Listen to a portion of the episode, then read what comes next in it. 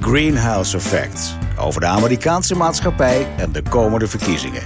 Ik ben Victor Chevoyer. Samen met Charles Groenhuizen is dit dus The Greenhouse Effect. Heel hartelijk welkom bij alweer aflevering, wat is het? Uh, 17 van The Greenhouse Effect. Hartelijk welkom, Charles. Hallo daar. In de Amerikaanse stad Minneapolis hebben demonstranten een politiebureau bestormd en in brand gestoken. En aanleiding is de dood van George Floyd. Een zwarte man die om het leven kwam nadat een witte agent hem minutenlang op de grond had gehouden door een knie in zijn nek te duwen. Uh, de vorige aflevering, aflevering 14 van de Greenhouse Effect, hebben we eigenlijk al een beetje een voorspelling gemaakt. Zorgt de coronastrijd voor een burgeroorlog in Amerika? Nou, burgeroorlog is misschien een beetje overdreven, maar er is wel wat aan de hand, Charles. Ja, inderdaad is burgeroorlog een heel extreem scenario. En ik vind dat je daar ook heel spaarzaam mee om moet gaan met dat woord. Maar ik heb wel in die vorige aflevering inderdaad gesproken over mogelijke sociale onrust. Toen was dit nog niet gebeurd. Hmm. Uh, en dit is wel iets wat ons heel erg doet denken aan bijvoorbeeld... wat is het nou, meer dan 25 jaar geleden... Rodney King in Los ja. Angeles. Bekende naam. Uh, die, ja. die toen mishandeld werd door een aantal agenten. Dat was toen eigenlijk de beginperiode... Uh, dat we dat op straat filmden. Uh, vergis je niet, dit soort incidenten zijn nu incidenten en meerdere incidenten, omdat we er altijd met z'n allen omheen staan met een smartphone, waar we, waar we wel eens op mopperen. Maar zo'n cameraatje kan toch vanwege de democratie en de openheid wel verdomd handig zijn. Nog uh, altijd zie je nu.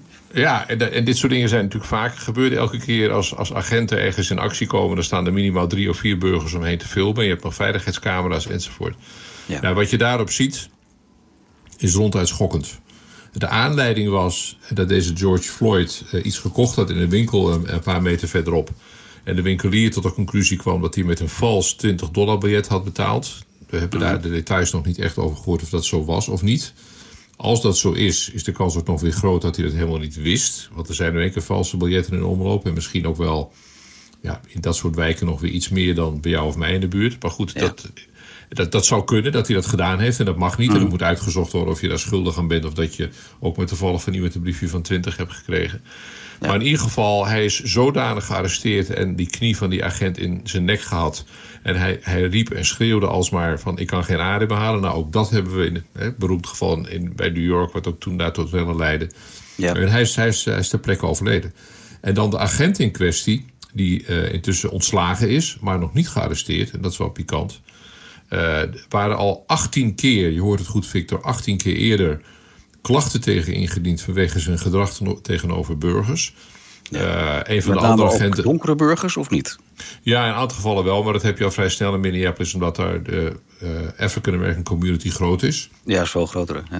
Ja, en daar heb je als agent, daar heb je daar onvermijdelijk heb je daar mee te maken. Mm. Uh, maar dat is al 18 keer en er waren, was wel eens een boze brief gestuurd van pas toch op, dat moet je niet meer doen en stop er nou eens mee.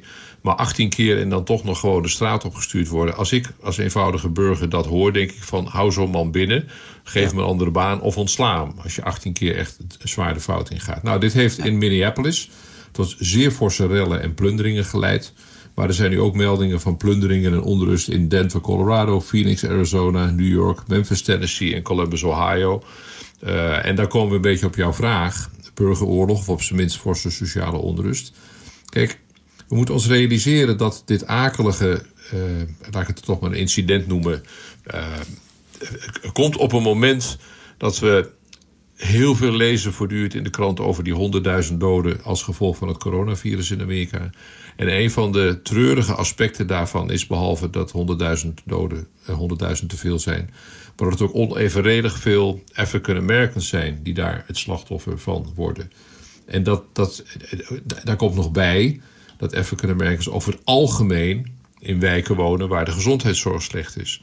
Uh, als je naar de statistieken kijkt, is bijvoorbeeld overgewicht, hoge bloeddruk, diabetes, komt onder African Americans onevenredig vaak voor. En dat zijn nou juist wat ze in Amerika noemen die underlying conditions, bestaande mm. kwalen die mensen hebben. En bij juist die mensen slaat dit coronavirus extra hard toe. En het gevolg is dat onder African Americans het aantal dodelijke slachtoffers onevenredig veel hoger is dan pakweg de 13% die ze van de Amerikaanse bevolking uitmaken. Zou dat kunnen betekenen dat, dat eigenlijk de hele situatie rondom, rondom George Floyd uh, de bekende lont in het kruidvat is? Dat hier nu een enorme kettingreactie opkomt? Ja, ook daar moet je mee oppassen, want dat hebben we wel eens eerder gedacht. En die voorspellingen zijn ook wel eens eerder gedaan en dan gebeurt het niet. Ja, ik hoop het niet. nee, tuurlijk. Nee, nee. Het, het, het, er is natuurlijk in Amerika wel wat voor nodig om dat soort onrust echt op gang te brengen. Ook na Los Angeles destijds. En we hebben rellen in Washington gehad en andere steden. Is, dat is dan erg en dat is heftig en dat ziet er vreselijk uit. En daar vallen ook vaak nog weer doden en gewonden bij. Maar toch elke keer blijkt, ook als ik erop terugkijk... ik heb natuurlijk een aantal keren dat soort dingen ook verslagen... dat het dan op een gegeven moment ook toch als vanzelf weer stopt. Ik, ik ben ontzettend benieuwd naar de dynamiek die dit nu sociaal in Amerika krijgt, waarbij je een president hebt die voortdurend doet wat hij doet of niet doet wat hij niet doet, dat weten we allemaal, die bepaalt, op zijn zacht gezegd, ook politiek niet hele innige vriendschapsbanden heeft met de zwarte gemeenschappen in Amerika. Dat probeert hij wel, maar de bulk van zwarte Amerikanen zal ook nu weer democratisch gaan stemmen. Ja. Uh, daar komt dus het hele corona-verhaal komt erbij. Daar komt nog weer bij dat de economische dreun die in Amerika is uitgedeeld, als het gaat om werkloosheid, als het gaat om het kwijtraken van je ziekteverzekering, mm. uit huis gezet worden omdat je huur niet meer kunt betalen. Maar dat zijn allemaal neveneffecten, dramatische neveneffecten van het coronavirus. Als je die dingen bij elkaar optelt, op zijn minst kun je, naar mijn oordeel, Victor, zeggen, daardoor ontstaat een sociaal mengsel. Waarvan je kunt vaststellen dat is mogelijk explosief. En dat zal in ieder geval dat durf ik al veilig te voorspellen. Al deze kwesties zullen voor een zeer aanzienlijk deel, hadden we een aantal maanden geleden niet gedacht, de politieke agenda gaan bepalen. En die agenda bepaalt weer voor een deel de dynamiek van de verkiezingsrace. En dat bepaalt weer of Donald Trump er nog via zit of Joe Biden het maar gaat proberen.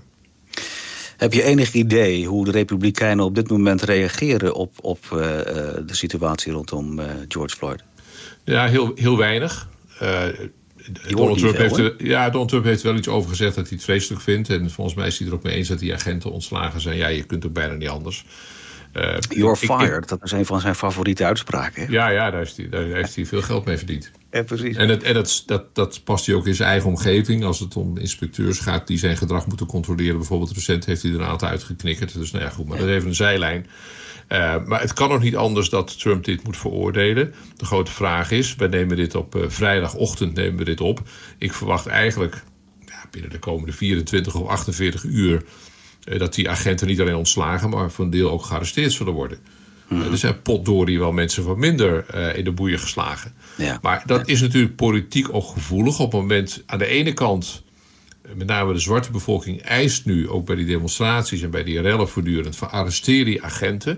Op het mhm. moment dat besloten zou worden door eh, justitie om deze mannen te arresteren, of in ieder geval degene die met, met zijn knie in de nek van die uh, Floyd zat. Ja, dat is vaak ook nog wel weer een reden om dan uh, weer de straat op te gaan en te eisen dat hij heel zwaar gestraft gaat worden. Ja.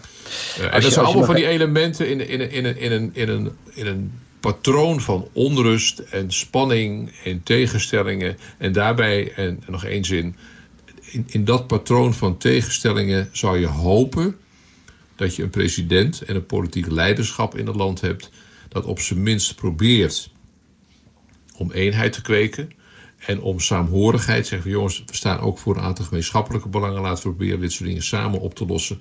En we hebben Trump nu de afgelopen bijna drie jaar bezig gezien. Hij doet het omgekeerde. Weer even van macroniveau naar microniveau. Als we kijken naar George Floyd, je vertelt dat hij 18 keer al uh, incidenten op zijn naam heeft staan. Ja, George um, Floyd niet, die agent die hem uh, met zijn Oh, sorry, ja, natuurlijk. Ik vergis me. Ik vergis me. Um, maar betekent dat dat die incidenten die er toen waren, dat daar ook een racistisch motief in zat? Noteert ja, men dat binnen het politiekorps? Ja, dat, dat, moeten we, dat zal nu in de komende dagen duidelijk worden. Het, het, het feit dat dat aantal klachten incidenten in het verleden is geweest. Dat is nu heel recent bekend geworden. En ongetwijfeld zal in de komende dagen na de bekend worden... ja, maar wat is er dan precies gebeurd? Wat we wel weten is dat er één of twee keer... ook bij een van die andere agenten... Uh, een disciplinary letter, dus een, een, een brief is gestuurd... Maar voor zover we weten zijn er nooit echt maatregelen genomen. Uh, Verlaging van salaris, verlaging van rang, tijd op non-actief, gedwongen een aantal maanden op, uh, op een bureau blijven en niet de straat op. daar weten we tot nu toe nog heel weinig van, maar dat zal ongetwijfeld zal dat naar buiten komen. Kijk, je moet je wel realiseren, Victor, dat als het gaat om politiegeweld ten opzichte van burgers, al of niet schuldig of onschuldig, en in dit geval is dat volstrekt onduidelijk. Als die George Floyd een vals biljet van 20 dollar heeft gebruikt, dan dan moet het op zijn minst onderzocht worden. Er moet nagegaan worden. Is hij daar schuldig aan? Verspreidt hij vals geld? Of was het maar puur toeval dat hij een vals briefje hij toevallig een vals briefje had. Ja, dat kan. Die, de Ja. winkelier heeft daarover gesproken. En die zegt van ja, luister, het gebeurt wel vaker. Dat mensen met vals geld hier komen. En meestal zijn die mensen zelf totaal onschuldig. Hij houdt zo'n ik, zo'n- briefje denk ik, onder zijn apparaatje. Oh, het is vals. Ja. Maar wat, waar, waar ik nog even naartoe wil... is het structurele karakter van politiegeweld tegen burgers. Al dan niet raciaal, mede bepaald. Ja, dat zit in politiegedrag in Amerika, sorry dat ik het zeg, bijna altijd zit er een, een ongelijkheid in, in de behandeling van agenten van blanken of van zwarte. Maar ik weet niet of jij je realiseert dat in Amerika het elke dag voorkomt dat agenten, burgers, in dit geval zijn ze niet, is deze Floyd niet doodgeschoten, maar is die hè, met, met die knie, Ja. knie in zijn nek. Elke dag schieten Amerikaanse agenten burgers dood. In totaal 1100 keer per jaar. Dus drie keer per dag. Er vallen drie doden per dag onder burgers die door agenten worden doodgeschoten. In sommige gevallen zal dat terecht en begrijpelijk zijn. Als het criminelen zijn die proberen weg te komen of die dreigen agenten neer te schieten. Er zijn genoeg YouTube-filmpjes van dat je denkt van ja. Als ik Ja, je vraagt waarom. Ja, je vraagt erom. ja, maar er zijn er ook wel vrij veel, ook op YouTube als je daarnaar zoekt. Ja. Eh, een website Fatal Encounters. eh, voor degene die geïnteresseerd is, daar staat dat zeer uitgebreid gedocumenteerd. Die houden dat bij. En zij moeten dat wel bijhouden, omdat de federale overheid houdt dat soort cijfers niet bij. Dus dat moet wel particulier bijgehouden worden. En ik hoorde net weer de laatste stand. Het is ongeveer 1100 per jaar. En dat is het eigenlijk al jaren. Dus dit is, wat we met die Floyd nu hier zien, eh, is helaas geen uitzondering. Het komt elke dag voor. Wat ook een beetje naar boven komt met dit thema, en dat is iets wat mij al heel lang geleden, toen ik midden jaren negentig voor het eerst in de Verenigde Staten kwam, is de status van een politieagent. Die, die is zo wezenlijk anders in Nederland als dat die in de Verenigde Staten is. Eh, de- hier zeggen we in Nederland: de politie is je beste vriend. Dat is ook een hele oude slogan, maar die is er nog altijd een beetje. Eh, het is onvoorstelbaar wat voor ja, bijna legerachtige mentaliteit ik daarin aantref. Is dat, kun je daar iets over vertellen hoe dat, hoe dat in zijn algemeenheid anders is bij de politie eh, in de Verenigde Staten dan dat het hier is? Ja, één heel simpel voorbeeld. Agenten hebben een instructie. In bepaalde situaties moet je bepaalde handelingen verrichten. Eh, en in het geval van gevaar, dreigend gevaar, ook voor henzelf of voor andere burgers, hebben agenten instructies van wanneer doe je wat. In Amerika is het heel snel lethal force, dodelijk geweld, raakschieten. Niet op de benen schieten, eh, eh, op het hart schieten. Proberen iemand doodschieten. En daar, daar, onder andere komt daaruit voort wat ik net noemde, die, die, dat getal van 1100. Mag ik een voorbeeld noemen? Eh, ik woon in de binnenstad van Utrecht en een tijd geleden eh, werd ik s'nachts wakker. Eh, ik slaap aan de achterkant, maar ik werd wakker van echt zeer hard gegil en geschreeuw op straat. Waarvan ik dacht van, dit is meer dan twee dronken lappen. Dus Ja, ik stap uit bed. hand, zeg maar. Ja, echt, dat, je, dat klonk Ja. akelig. Eh, echt, nou ja. En ik, ik wandel naar het voorraam. En ik, eh, een paar jongens op straat, inderdaad 30 meter verderop... die echt geweldig tegen elkaar staan te schelden... en meppen uit te delen. En ik denk van, nou, dat is niet best. En op het moment dat ik denk van, ik moet 112 maar even bellen... want dat is niet goed... kwam de politie eraan. Twee agenten op de fiets. Toen dacht ik, nou ben ik toch eens benieuwd. En ik heb in Amerika meerdere eens arrestaties gezien. En dat gebeurt meestal met, voor je het weet, lig je met je neus op het asfalt. En inderdaad al niet met de knie Ja. in je nek. En het was echt, het was kwaadaardig wat daar aan het gebeuren was tussen die jongens. Er was iets aan de hand, ik weet niet wat. En die ene agent, het waren vier jongens, twee keer twee. En die ene agent gaat naar dat eerste stel, die eerste twee. Die andere agent gaat naar die andere twee. En ik kon niet horen wat ze zeiden, maar ik kon wel zien wat er gebeurde. En heel pratend, eh, geen getrokken pistool, geen getrokken gummiknuppel. In de trant van: jongens, kom op. Eh, gaan- hier gaan we mee stoppen, kom op. Eh, gaan we even niet doen. Toen dacht ik, dan ben ik toch eens benieuwd. Victor, het lukte ze. Mm. Nou, datzelfde incident had zich natuurlijk in de Verenigde Staten kunnen voeren. Daar had ik er misschien ook bij staan kijken. Dan weet ik zeker dat dat radicaal anders was afgelopen. Sowieso waren er dan vier arrestaties verricht. Op zijn minst. Ja. Ja. De kans is ook groter door, ja. ja, de kans is ook groter door het optreden van de agenten. De agressie van die jongens zich voor een deel tegen de agenten gericht had. Ik weet het niet, dat is even speculeren. Maar dat het minder goed was afgelopen dan wat ik daar op die straathoek in de binnenstad van Utrecht zag, dat durf ik wel veilig aan te nemen. En agenten in Amerika. Ik, ik zeg wel eens. Uh, Amerikanen hebben, zijn vaak argwanend. Dat is ook, ook wel erger geworden in, in de afgelopen periode. Uh, maar tegen agenten ben je altijd ontzettend beleefd. Ja. Het is niet zo. Ja, als jij aangehouden wordt en je denkt van nou, dat vind ik echt onzin. Sorry. uh, dan zeg je tegen degene, nou oké, u houdt mij aan, maar ja, ik ben het er niet mee eens. In Amerika krijg je dan onmiddellijk, Mr. Chevalier, you're arguing with an officer on duty. Mm En dan moet ik jou dringend advies geven, Victor, om de volgende keer dan te zeggen: No, sir, not at all. Thank you very much. Ja. No, no, no, no, no, I'm not arguing with an officer on duty. Mag ik zeggen dat ik dat heel eng vind? Dat is ook heel eng. Het is, het is een soort staat in de staat. En dat zal het verschil ook wel per stad. Ja, daarom geldt ik niet dat ook een beetje leger, legerachtige mentaliteit die daar in dat politiekorps zit. Ja, maar het is ook, als je simpelweg wordt aangehouden in Amerika, eh, dan eh, is het, als je geluk hebt met één politieauto, maar als je echt iets op je kerststuk hebt met een stuk of vijf, Ja, ze komen gelijk die, aan. die komen achter je rijden, wing, wing, wing, wing, wing. Ja. Eh, en ik heb wel eens, Am- Amerikanen vragen me wel eens, wat is nou het verschil tussen Amerika en Nederland? En dan, de ene keer heb ik het over de Red Light District, of over de drugs, of over ons politieke systeem. Of zo. Maar ik zeg ook wel eens, eigenlijk kun je het verschil weergeven in de manier waarop je in de Verenigde Staten of in Nederland door een agent wordt aangehouden. Als je in de auto rijdt. In Nederland komt dan zo'n eh, brave Volvo huppe de pup voor je rijden en zo'n bordje stop politie. Nou, dat is en Amerikanen- correct. Amerikanen zeggen: Are they fucking out of their mind? Denk jij dat je in Amerika, als je iemand wilt aanhouden, voor hem stopt? Ja, Ik dacht het niet. Dat Er zijn, vanuit er zijn, er zijn ook. YouTube-filmpjes van dat een agent dat wel een keer geprobeerd heeft en door de vooruit in de hartsteek wordt geraakt. Een agent zal altijd achter je stoppen, zet zijn auto zoiets schuin voor een deel dekking en loopt dan, zoals, zoals John Wayne in cowboyfilms, met, eh, met, met hand op het pistool Ja. lopen ze en staan dan achter het voorraam. Lower the window. Keep your hands on the wheel. En bij het minste of geringste, en er zijn ook vreselijke voorbeelden van, wordt er geschoten. Dat is het verschil. In, in Amerika is het ondenkbaar vanwege het gebrek aan toch een soort onderling vertrouwen dat een agent voor je stopt om je aan te houden, voor iets groots of iets kleins. In Amerika zullen ze altijd achter je stoppen. En alsjeblieft, ga nooit, nooit in debat met ze.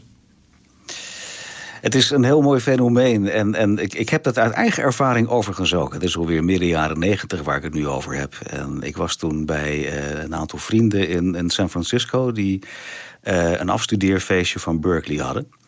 En eh, wij stonden in de tuin daar met een, een, een aantal, eh, ik schat zo'n 40, 50 mensen die daar ook bij dat feestje aanwezig waren.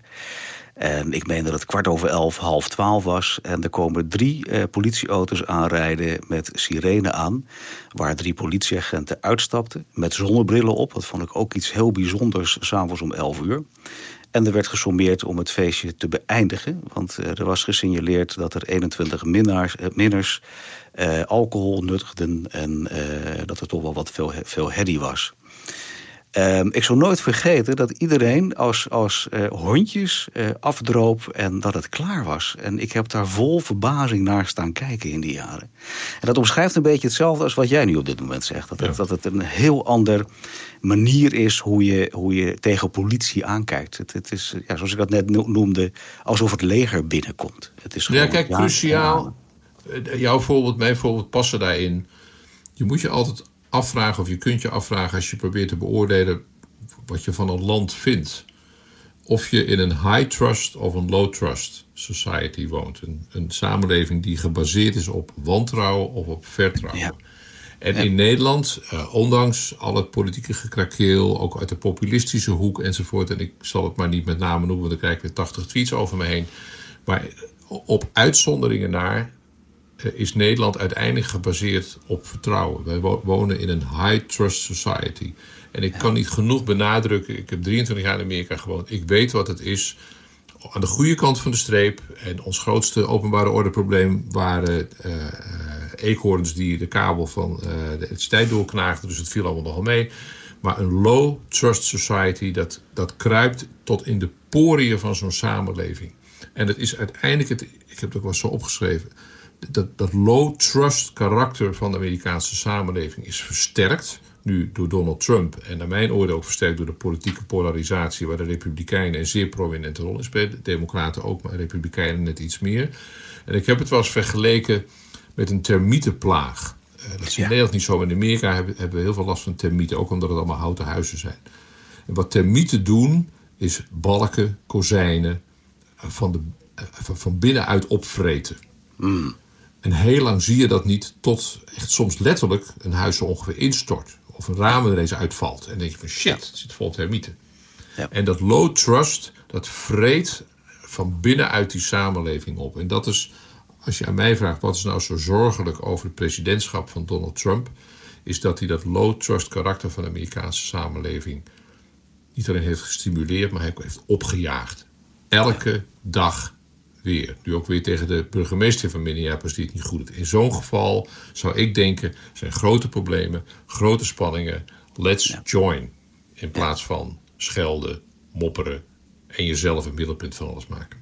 Nou, als ik dan even positief mag afmaken. Het is weliswaar geen Optimo praat, wat ook een podcastserie van ons is. Maar dan wonen we toch weer mooi in Nederland. Hè, waar je dat toch, toch eigenlijk wel ziet. Waar we wel de politiek ziet samenballen om tegen corona iets te mogen doen. Vind ik mooi om te zien. Landgenoten tel uw zegeningen. Precies, mooie afsluiting. Graag tot de volgende keer, Charles. Graag gedaan.